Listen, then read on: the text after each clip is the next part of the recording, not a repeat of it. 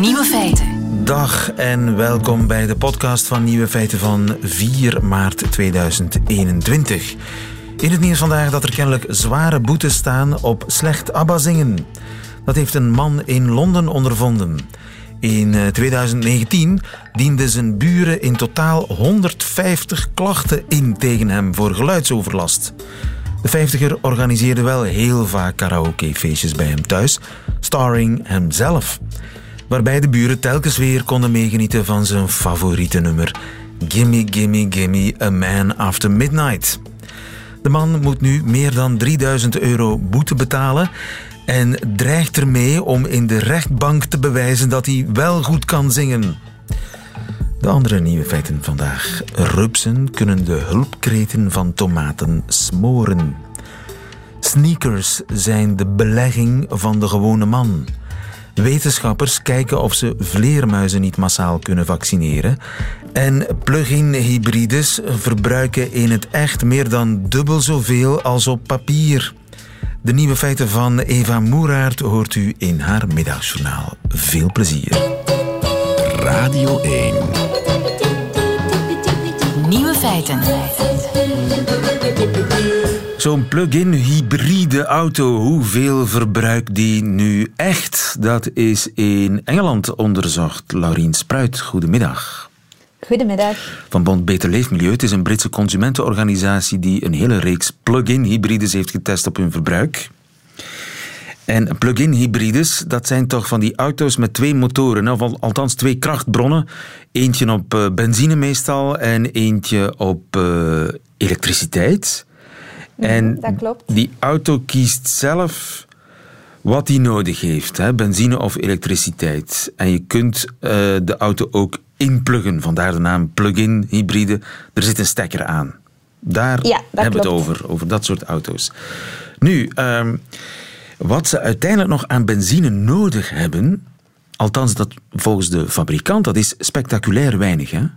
Ja, inderdaad. Ehm, maar uit de studie die u aanhaalde blijkt dat dat dus ook niet volledig klopt. Dat de autofabrikanten het vaak mooier voorstellen dan het in het echte leven is. Ja, als we er eentje uitpikken, een eh, zware SUV van 2,5 ton, de BMW X5 plug-in hybride, hoeveel verbruikt die volgens BMW zelf? Wel, wat we zien bij veel van die wagens is dat volgens de autofabrikanten de wagen veel minder gebruikt dan in het echte leven.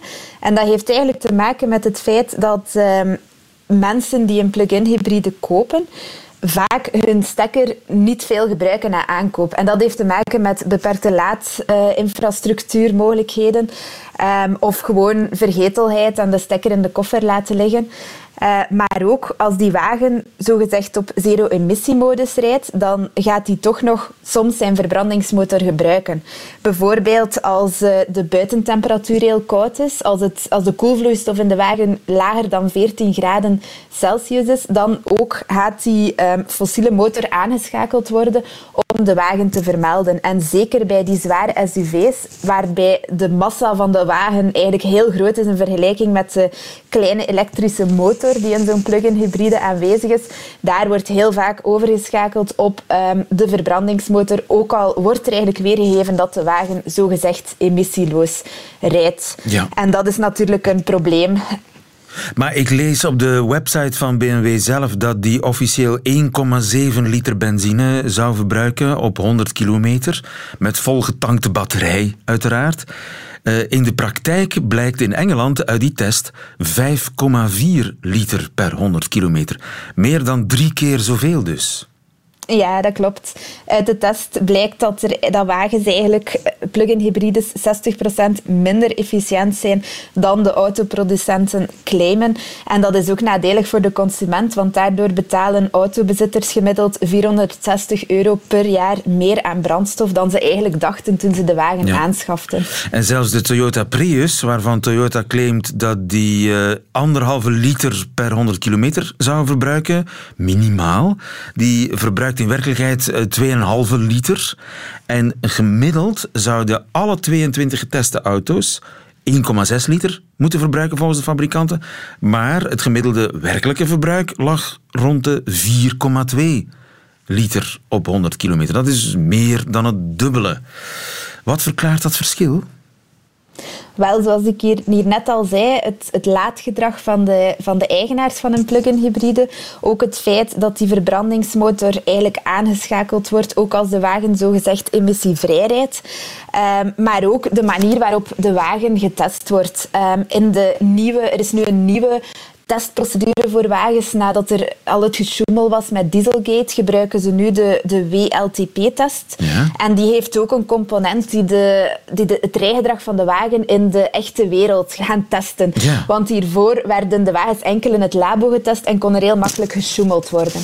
Nu, um, die WLTP-test die wordt eigenlijk berekend voor plug-in hybrides op basis van de elektrische actieradius. En dus niet aan de reële omstandigheden waaraan een batterij vaak onderheven is, namelijk dat ze maar half of niet opgeladen is. En dat verklaart deels uh, de grote verschillen, maar ook wel het feit dat uh, zelf in die reële rijomstandigheden wordt er niet voldoende rekening gehouden met het verbruik van een wagen als je bijvoorbeeld een helling op gaat rijden um, of als je toch um, als het slecht weer is, dat je hebt veel tegenwind enzovoort. Dus die zaken worden allemaal niet getest, wat toch wel ja ja, belangrijk is als je de totale uitstoot van de wagen wil weten. Ja, dus zelfs die nieuwe, gestandaardiseerde en gecontroleerde testen waar fabrikanten zich moeten aan houden, die spelen zich nog altijd af in een ideale wereld. Ja, dat klopt. Maar in werkelijkheid uh, verbruiken die auto's dus minstens dubbel zoveel als op papier. Ja, en het is heel belangrijk dat daar meer aandacht uh, voor is. Want er zijn momenteel heel veel landen die hun verbrandingsmotoren willen gaan uitfaseren. Bijvoorbeeld Groot-Brittannië tegen 2035, Nederland tegen 2030. Ook hier in België willen we willen we bedrijfswagens gaan elektrificeren. Het is heel belangrijk dat onder die betekenis van elektrische wagens en emissievrije wagens, dat plug-in hybrides daar geen plek krijgen. Want als we naar de echte reële uitstoot gaan kijken, liggen die veel dichter bij fossiele wagens dan bij batterij-elektrische wagens. Dus het is heel duidelijk dat als we willen gaan naar die emissievrije toekomst op vlak van verkeer, dat daar een batterij-elektrische wagen de oplossing is en dat een plug-in hybride absoluut geen goed alternatief daarvoor is. Helder, Laurien Spruit, dankjewel. Goedemiddag. Dankjewel. Dag. Radio 1. Nieuwe feiten. Lieven van den Houten. Om een volgende coronapandemie te vermijden, zouden we misschien beter nu al vleermuizen gaan vaccineren. Het klinkt zot, maar het is een ernstige denkpiste, schrijft Dirk Drouwlands deze week in Knak. Goedemiddag, Dirk. Goedemiddag, lieven. Het probleem bij de bron aanpakken heet zoiets, geloof ik. Hè? Maar zijn we dan wel zo zeker dat de bron van de coronapandemie bij de vleermuis zit? De bron zit sowieso bij de vleermuis, de hoefijzerneusvleermuis, ergens uit, uh, uit uh, Zuid-China. Alleen uh, moet er ongetwijfeld ergens een tussengast hier in het spel zijn. Want het is naar schatting 40 tot 70 hè, jaar geleden dat dat virus uit de vleermuis ontsnapt is en zich heeft aangepast aan een leven in de mens. Dus dat kan 70 jaar geleden zijn? Ja, ja. Dat die is overgesprongen? Ja, ja, ja. volgens genetisch onderzoek is het ergens tussen 40 en 70 jaar geleden. Alleen kent men een tussengastheer nog niet. Wat dat heel ambetant is, want dat betekent dat hij daar misschien nog altijd rondloopt met hè, dus nieuwe hè, reservoirs in zit. De laatste focus zit op wasbeerhonden, waarvan dat er in China 14 miljoen in gevangenschap gekweekt worden voor de bondhandel. Maar het is nog altijd niet duidelijk wie een tussengastheer is. Maar de oorspronkelijke bron is sowieso de vleermuis. En nu zou het idee zijn om die vleermuizen te gaan vaccineren, maar dat is toch raar als de overgang van vleermuis naar tussengast al ja, minstens 40 jaar geleden gebeurd is. Ja, door die vleermuizen nu te vaccineren, ja, eh, werk je eigenlijk voor binnen 50 jaar? Maar het idee is, en het is een idee, hè, lieve, het, het, is, het is niet iets dat al heel solide is. Ik heb er zelf ook mijn bedenking bij over de haalbaarheid van heel het verhaal. Maar uh, de schrik voor een toekomstige pandemie zit er zo hard in dat wetenschappers alles exploreren wat dat eventueel mogelijk is om het uit te sluiten dat het nog eens gebeurt. Want het gaat dus over het, het anticiperen naar de toekomst toe op eventuele nieuwe problemen. Dus het idee is dat men continu uh, vleermuizen gaat blijven screenen op de aanwezigheid van nieuwe virussen, coronavirussen en andere, die eventueel de sprong zouden kunnen maken naar de mens of naar de dieren die in, het, uh, in, de nabijheid van de mens leven, de, de, de, landbouwdieren en de huisdieren. En dat men, als men vindt dat er iets potentieel gevaarlijk is, dan dus door een, een soort uh, genetic engineering een onschadelijk vleermuisvirus zo gaat manipuleren dat dat dus eigenlijk weerstand gaat genereren tegen het potentieel voor de mens schadelijk virus. Dat is de achterliggende uh, gedachte. Oei, dat is heel ingewikkeld. Dus je gaat genetische manipulatie doen op virussen. Ja, dus je gaat een onschadelijk vleermuisvirus pakken. Daar ga je dan, hè, zoals het bij, bij de klassieke vaccins uh, nu ook gebeurt, daar ga je dan een stukje virus insteken dat eventueel afweer opwekt in het vleermuissysteem tegen het virus dat potentieel schadelijk is voor de mens, waardoor dat minder frequent gaat voorkomen in de vleermuispopulatie en dus minder kans heeft om over te springen, al dan niet via een tussengastheer, naar de mens. Dat is de achterliggende gedachte. En dat is nog maar een denkpiste. Zou dat in de praktijk mogelijk zijn? Zou je dan ja, alle vleermuizen ter wereld moeten gaan vaccineren? Maar het is sowieso een, een long shot. Hè. Het, is, het, is, het, gaat niet evident zijn om dat ooit in de praktijk te krijgen. Ik heb persoonlijk mijn grote reserve, ik heb dat ook in de knak geschreven, tegen dat soort grootschalige ingrepen in de natuur ten behoeve van de mens. Dat klinkt altijd veel gemakkelijker in theorie dan dat het in de praktijk toe te passen is. Alleen, er is een precedent. En dat maakt het natuurlijk extra interessant. Hoezo? we weten, we hebben vroeger de hondsdolheid in vossen uitgeroeid door het eh, aanbieden van vaccins via loka's in het wild. En eh, de, de, de, vossen bij ons hebben geen hondsdolheid meer, omdat ze gevaccineerd zijn geraakt tegen hondsdolheid. Alleen was het een vaccin dat elke keer opnieuw moest worden toegediend. Dus die vossen die gaven dat niet door aan elkaar. In 2001 is er een experiment geweest om uh, wilde konijnen te vaccineren tegen myxomatose, hè, dus de fameuze konijnenziekte, die ook bij ons, ik herinner dat nog in mijn jonge jaren, vreselijk huishield in de konijnenpopulatie. Daar, die ziekte te bestrijden door een vaccin dat de konijnen wel aan elkaar kunnen doorgeven. Alleen is dat lang geleden, er is geen vervolg op geweest, dus ik heb niet het gevoel dat dat groot uh, succes had.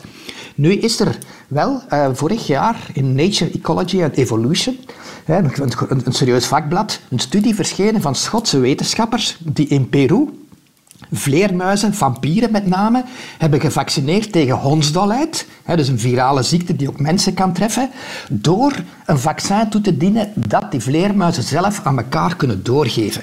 En dat blijkt te werken. Dat kan dus. Ja, dus de, en hoe doe je die oorspronkelijke toediening? Is dat ook via uh, voedsel?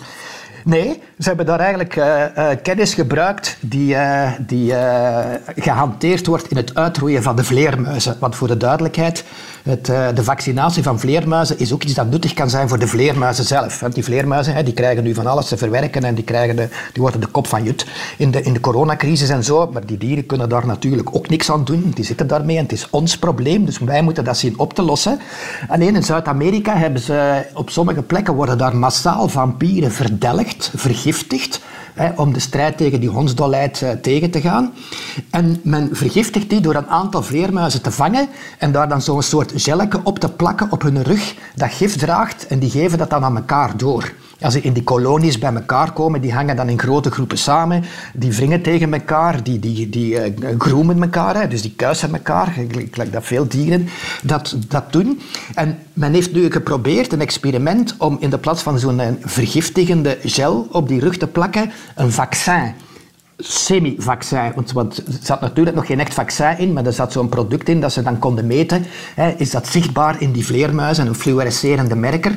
En zo hebben ze dat dus gedaan. Een aantal van die vampieren gevangen op die rug of ook oraal. Ze hebben er ook een paar het, het, eh, ingespoten. Dus toedienen, die dieren terug loslaten en vervolgens kijken wat er gebeurt. En dan hebben ze gezien dat zo'n vleermuis gemiddeld aan een tweetal andere vleermuizen die bescherming tussen aanhalingstekens doorgeeft, waardoor dat je een verhoogde efficiëntie met een factor 2,5 hebt in het verspreiden van, uh, van dat kenmerk in dit geval en dus een mogelijk vaccin in een latere fase. Dus het is in principe technisch doenbaar, op zijn minst op kleine schaal. Ja, maar als je weet dat het huidige coronavirus dat circuleert en de pandemie veroorzaakt eigenlijk via een gast nog tot bij ons gekomen is, ja, dan zijn we daar vet mee. Ja, maar de kwestie is natuurlijk dat veel van die zogenaamde zoonosen, dieren die overspringen hè, van andere dieren naar de mens, die vinden hun oorsprong in, in vleermuizen. Je hebt een hondsdolheid, je hebt ebola, je hebt Marburg, je hebt die koortsen in, in, in, in Azië, de Hendra en Nipah. Dat zijn allemaal vleermuisvirussen en die, die al dan niet via een tussengasteer doorkomen. Dus als je de oorspronkelijke bron kunt vaccineren, tussen aanhalingstekens, doet het er niet meer toe wat dat een tussengasteer doet. Ja. Op termijn ga je dan een heel groot probleem uh, uitschakelen. Ja, en, en, absoluut. En men gaat er dus vanuit dat de kenmerken van vleermuizen, het feit dat ze in grote, met veel tegelijk samenkomen om bijvoorbeeld te gaan slapen of in de winter hè, met massa's tegelijk eh, de, de winter door te brengen, je zou dus kunnen gaan sprayen in zo'n kolonie, waardoor dat je dat vaccin dan effectief op een relatief grote schaal kunt toedienen. Vleermuizen vliegen veel, hebben veel contact met elkaar, leven relatief lang. Dus er zijn een aantal elementen die maken dat een aantal wetenschappers die piste van dat vaccineren van vleermuizen in het wild toch ernstig neemt. Ja, zoals je het nu vertelt, ben ik heel erg voor. Kan het zijn dat dat werkelijkheid wordt? Dat dat binnen afzienbare tijd gaat gebeuren? Dat je een soort vaccin gaat sprayen in uh, vleermuizenkolonies? Het is te hopen. Hè. Ik, bedoel, ik, kan, ik kan u wel verzekeren, op dit moment, ik heb eens al aan het zoeken geweest, maar ik heb niet, niet direct iets gevonden, maar er zijn op dit moment ongetwijfeld mensen bezig met die piste te exploreren in de context van, van het feit dat er veel meer aandacht is voor pandemieën en voor vleermuizen dan er ooit geweest is, omdat men absoluut wil vermijden dat er binnen de kortste keren een tweede uh, of een volgende pandemie vanuit de vleermuisvirus uh, op ons afkomt. Dus, dus uh, ik denk dat dat een piste is die op, de, op relatief korte termijn zeer ernstig zal worden geëxploreerd. En dat is toch wel hoopgevend. Dankjewel, Dirk Drouwlands. Goedemiddag. Goedemiddag, lieve. Radio 1. Radio. Radio 1. Nieuwe feiten.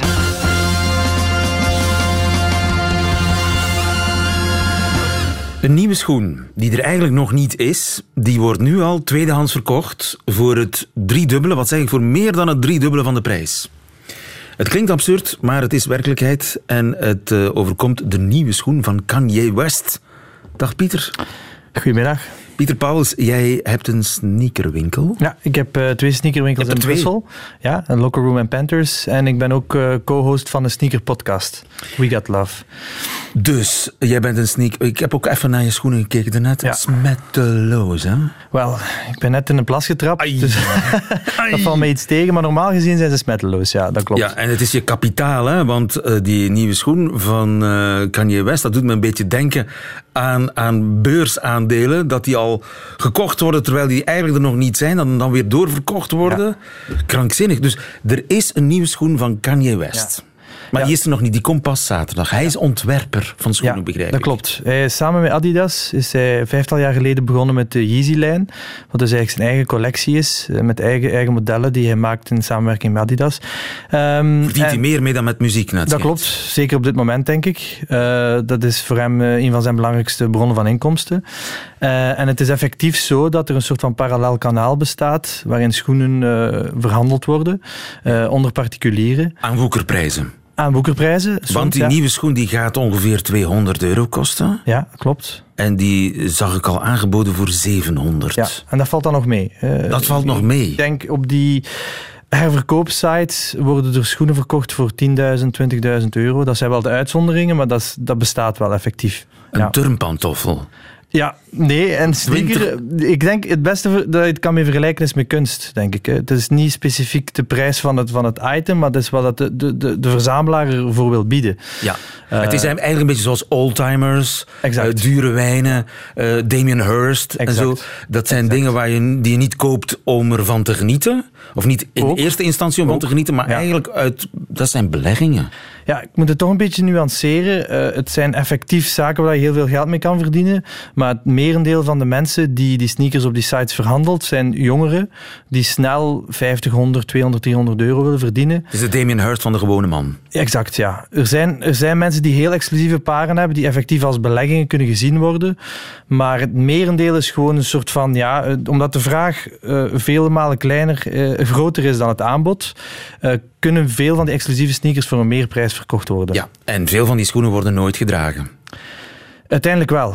Ik denk dat ze uiteindelijk wel bij de, de, de eindconsument terechtkomen die ze wil dragen. En dat zijn dan mensen voor wie 700 euro een zakcentje is? Ik denk het, ja. Ik, ik, denk dat er heel veel in China... In knokken kun je die zien. In knokken kan je die zien. Uh, ik denk in China ook vooral. Uh, ik bedoel, daar is een, nu een nieuwe soort van uh, ja, jonge, rijke generatie gekomen die graag wil uitpakken. En het is ook een soort van statussymbool natuurlijk. Een exclusieve schoen aan je voeten hebben is in een bepaalde scene toch wel... Iets hebben wat een ander niet heeft. Ja, ja dat heeft eigenlijk niks te maken met de intrinsieke kwaliteiten van die schoen. Dat kan een hele lelijke schoen zijn. Dat kan een hele lelijke schoen zijn. Een hele slechte schoen. Ja, natuurlijk. Slechte schoen niet per se. Het is wel al een basiskwaliteitsniveau. bedoel, het zijn allemaal schoenen van Nike, Adidas. bedoel, het is wel een bepaald uh, kwaliteitsbasisniveau. Uh, maar uiteraard, ja, zijn die geen 20.000 euro waard of, ja. of geen 700 Wat vind je van de nieuwe schoen van Kanye West? Ik vind dat mooi. Ik vind het vooral vernieuwend. Ik denk dat Kanye West vooral iemand is die toch wel vrij visionair is. Ook het ziet eruit alsof je schoenen of, oh, en je voeten in brand staan. Hè?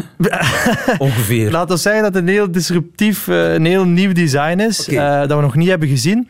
Maar het is, uh, ja, het is, het, is, het is de volgende stap weer in zijn designverhaal, denk ik. Ja, en kun jij daar makkelijk aan geraken als al die tweedehands schuimertjes en beleggertjes op zoek zijn? Wij als winkel vinden het voornamelijk belangrijk dat de schoen bij de persoon komt die hem graag wil hebben, die hem wil dragen. Dus ik, ik prefereer van, van te verkopen aan, aan, aan liefhebbers je hem inkopen? Ja, ja wij, wij, wij, wij, krijgen die schoenen binnen via de merken, omdat wij... Dus je hebt geen last van, van die woekerprijzen? Nee, wij niet. Wij, wij zijn eigenlijk de eerste stap. Hè. Uh, wij, wij, wij, wij verkopen het aan de officiële retailprijs, maar dan komen natuurlijk al die individuele opkopertjes bij ons langs en daar hebben wij mee af te rekenen. Die dat willen inkopen voor ja, die prijs? om geld mee te verdienen. nee, die, die, gewoon bij ons daar aan inkoopprijs willen, of dus aan de retailprijs willen inkopen. En die willen de hele voorraad? Ja, maar daar, daar, daar, daar, proberen wij dus zoveel mogelijk iets tegen te doen. Want wij vinden het jammer, wij zijn zelf gepassioneerd door sneakers en wij willen dat dat bij de juiste mensen terechtkomt. Ook dus al is die dat mensen komen bij jou over de vloer, die zeggen geef mij maar alles wat je in stok Oh ja, absoluut. En, en, en er worden ook,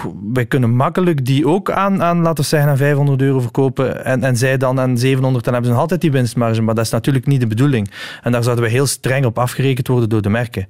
En uh, wat voor mensen zijn dat die over de vloer komen? Zijn dat jonge mensen? Zijn dat, uh... Alle leeftijden. Ja? We hebben daar echt wel een evolutie in gezien. Uh, voornamelijk waren dat vroeger jonge mensen, maar we zien nu toch ook een ouder Tieners. Publiek ja, tieners, twintigers, maar nu zien we ook dertigers, veertigers, die ook echt, ja, die willen iets bijzonders aan hun voeten hebben. Die willen iets hebben dat je niet bij de ketens kan vinden. Die willen iets speciaals hebben, zoals bij alles. Maar die kopen het dan voor zichzelf, maar de doorverkopers. De doorverkopers, dat, zijn vooral jonge mensen. Ja, ja. ja, dat zijn echt jonge mensen die eigenlijk uh, in, die, in die business actief zijn om zelf dan weer leuke nieuwe dingen te kunnen kopen. Een soort van studentenjob is dat eigenlijk voor veel van die. En die zetten een handeltje op online. Ja. En dat gaat natuurlijk van mensen die dat af en toe eens doen, een paar paardjes per maand. Maar je hebt ook echt professionelen die dat doen op heel hoog niveau, die daar miljoenen mee verdienen. Ja.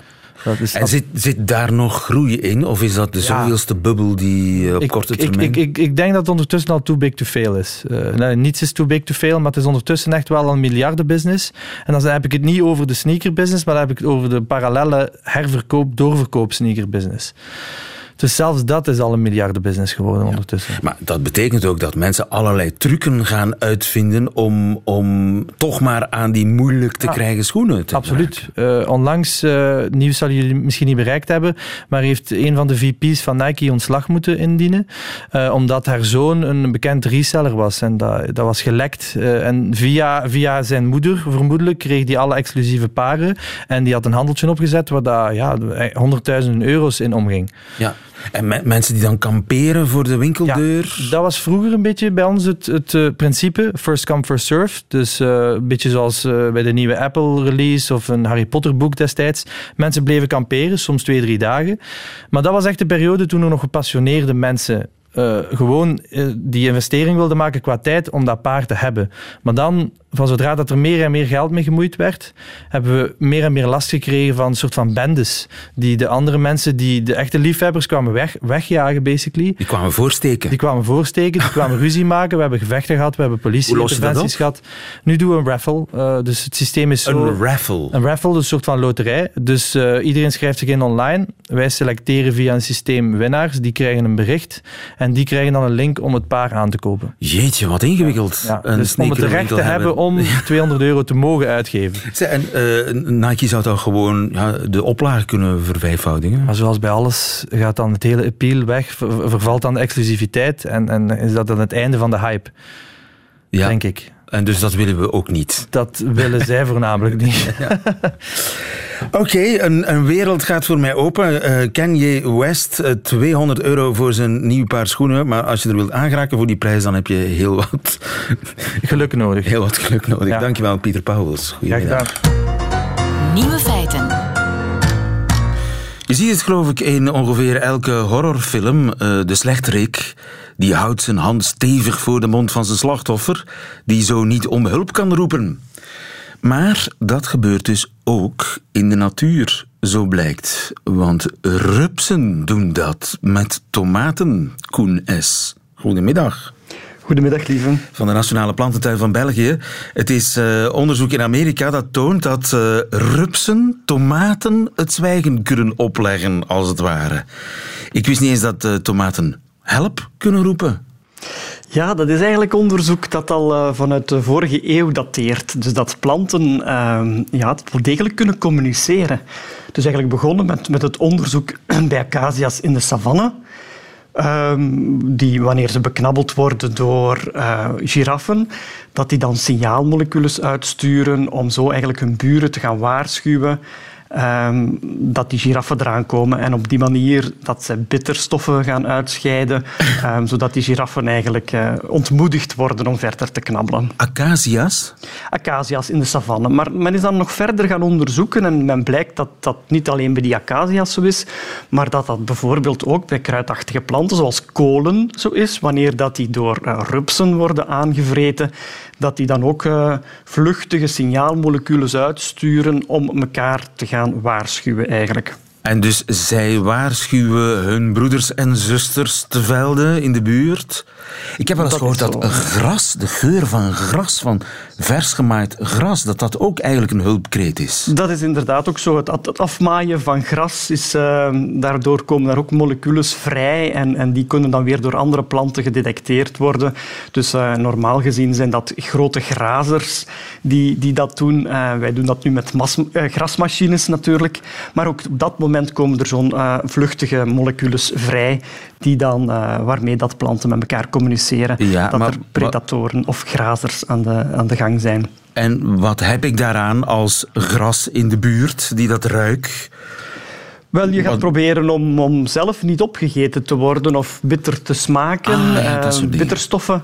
Dus als je uh, niet wil, wil aangevreten worden, dan zorg je dat jij ook bitter gaat smaken en uh, dat, dat je overgeslagen wordt. Dus dat de grazers een andere plant kiezen om op te eten. Maar dus tomaten die kunnen ook helpen roepen. Wanneer roepen ze dat? Wel, precies wanneer dat zij worden aangevreten door bijvoorbeeld rupsen. Je hebt een aantal van die rupsen die uh, uh, serieuze plaag betekenen uh, binnen, de, binnen de landbouwgewassen. En wanneer dat die rupsen beginnen te, te knabbelen, wanneer dat die hun speeksel in contact komt met die met die plant, dan gaan zij op dat moment reageren door uh, stoffen vrij te zetten die dan eh, in de lucht uh, vrijkomen en zo, dat, waarmee dan de, de buren worden gewaarschuwd. Ja, en wat, wat, wat doen die stoffen dan? Wel, die vliegen door de lucht. Het zijn vluchtige stoffen en die zorgen dan dat in, in de andere, in de buurplanten, dat daar eigenlijk ook uh, op dat moment uh, dat die gewaarschuwd worden en dat die op dat moment ook bitter gaan smaken en zo proberen een, een, een aanval af te weren. Dus dat is hoe dat planten met elkaar communiceren. Dat is doorheen de evolutie. Dat, zijn, dat is de wapenwetloop tussen planten en dieren, die, die, die natuurlijk door de evolutie heel lang aan de gang is en die eigenlijk ook nooit stopt. Dus uh, op dit moment was het dan als je dit verhaal dan hoort, uh, eigenlijk 1-0 voor de plant. Uh, maar goed, daar stopt het verhaal niet. Want de rups kan die tomaat ook het zwijgen opleggen. Ja, inderdaad. Dus eh, in, die, in dat enzyme uh, van dat speeksel, dat er in het speeksel van die, van die rups zit. Er zit een, een glucoseoxidase, dus een, een, een enzyme. Dat zorgt ervoor dat er minder van die vluchtige waarschuwingsstoffen geproduceerd worden door de plant. Dus dat is al een eerste ding. Een tweede ding is ook nog dat, die, dat dat enzym er ook voor zorgt dat de huidmondjes Planten die hebben aan de onderkant van hun bladeren huidmondjes waarmee zij die vluchtige stoffen laten ontsnappen en ook waarmee zij ademen. Dat zorgt ervoor dat enzym dat die huidmondjes ook gesloten worden. Dus binnen de vijf minuten worden die gesloten of, of gedeeltelijk gesloten. En dat duurt zeker 48 uur. Dat hebben we vastgesteld bij soja en bij tomaten. Dus dat duurt een hele tijd eer dat die huidmondjes weer opengaan. En op die manier verhindert dit enzym dan ook nog eens een keer dat die vluchtige stoffen ontsnappen. En op een derde uh, niveau, eigenlijk, um, door het feit dat die huidmondjes gesloten zijn, kan die plant ook veel minder CO2 opnemen. Hetgeen dat de plant nodig heeft om, om die uh, vluchtige stoffen te maken. Dus het werkt eigenlijk op drie niveaus. Uh, op die manier legt die rups eigenlijk die, die tomatenplant het zwijgen op. Ja, heel doortrapt. ik hoorde wel eens dat sommige planten signalen uitzenden die bedoeld zijn voor roofdieren die dan de belager van die plant gaan aanvallen. Ja, inderdaad. Dus het is niet alleen het waarschuwen van de plant om bitter te gaan smaken. Soms wordt er ook, uh, worden signaalstoffen uitgezonden die specifiek sluipwespen bijvoorbeeld aantrekken, die dan de plant gaan helpen om uh, ja, die sluipwespen die leggen hun eitjes in die rups en die gaan die rupsen eigenlijk afdoden. Dus op die manier roept die plant hulp in van uh, belagers van die rups. Ja. Uh, dus dat is inderdaad ook een manier uh, die werkt.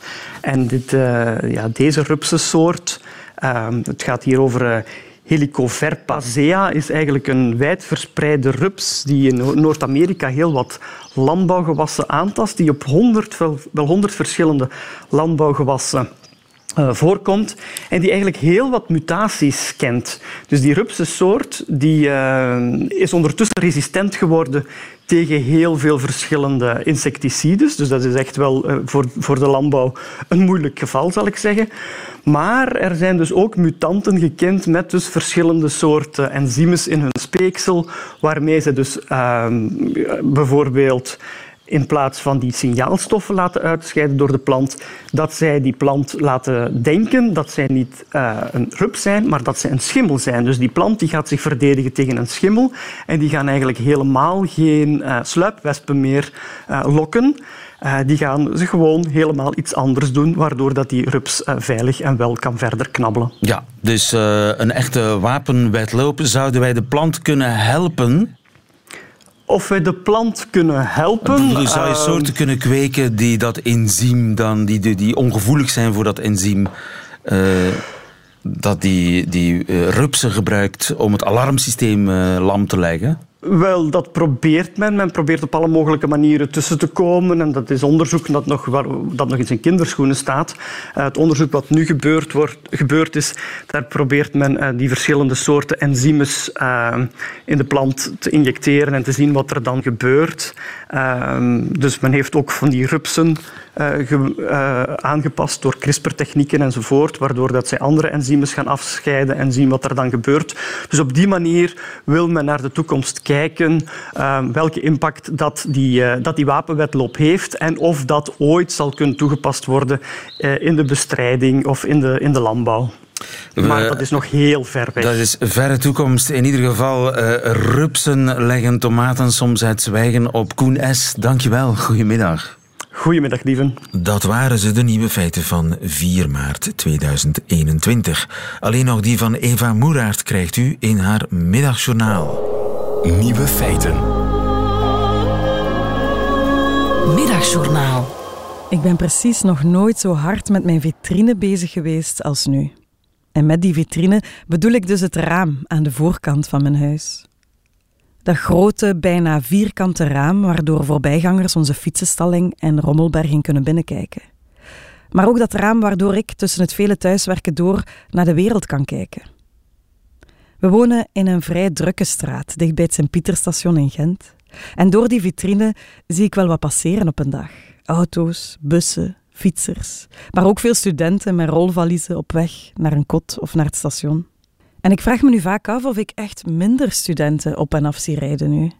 Blijven ze meer thuis bij hun ouders deze periode? Of blijven ze net op kot en wandelen ze in het weekend liever rond in de Gentse binnenstad dan door de Vlaamse polders? Ik zou streepjes moeten zetten, denk ik dan. En ook de laatste tijd passeren hier precies veel meer ambulances en politiewagens met loeiende sirenes aan. Van zodra het donker is, schijnen er dan agressieve zwaailichten ons huis binnen door ons raam. En dan vraag ik me altijd af of het iemand is met COVID die naar een van de Gentse ziekenhuizen wordt gebracht. Of dat het een politiewagen is op weg naar een lockdownfeestje hier in de buurt.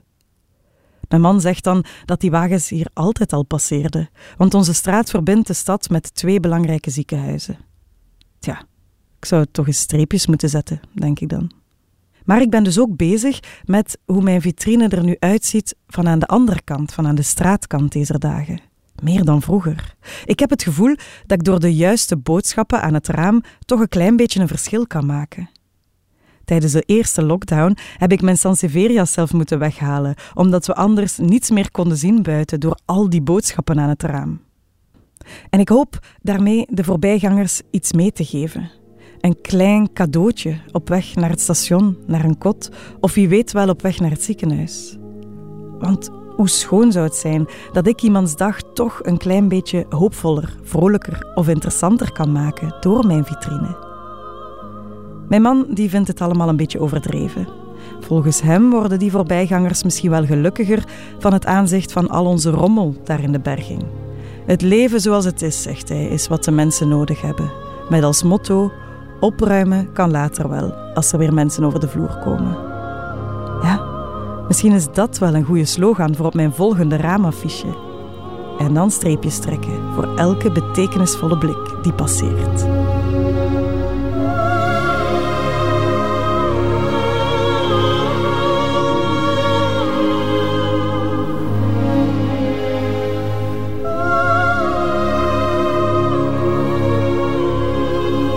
Middagjournaal met Eva Moeraert. Einde van deze podcast. Hoort u liever de volledige uitzending van Nieuwe Feiten? Dat kan natuurlijk ook via de website van Radio 1 of via de Radio 1-app. Daar vindt u overigens nog veel meer fijne Radio 1-podcasts. Tot een volgende keer.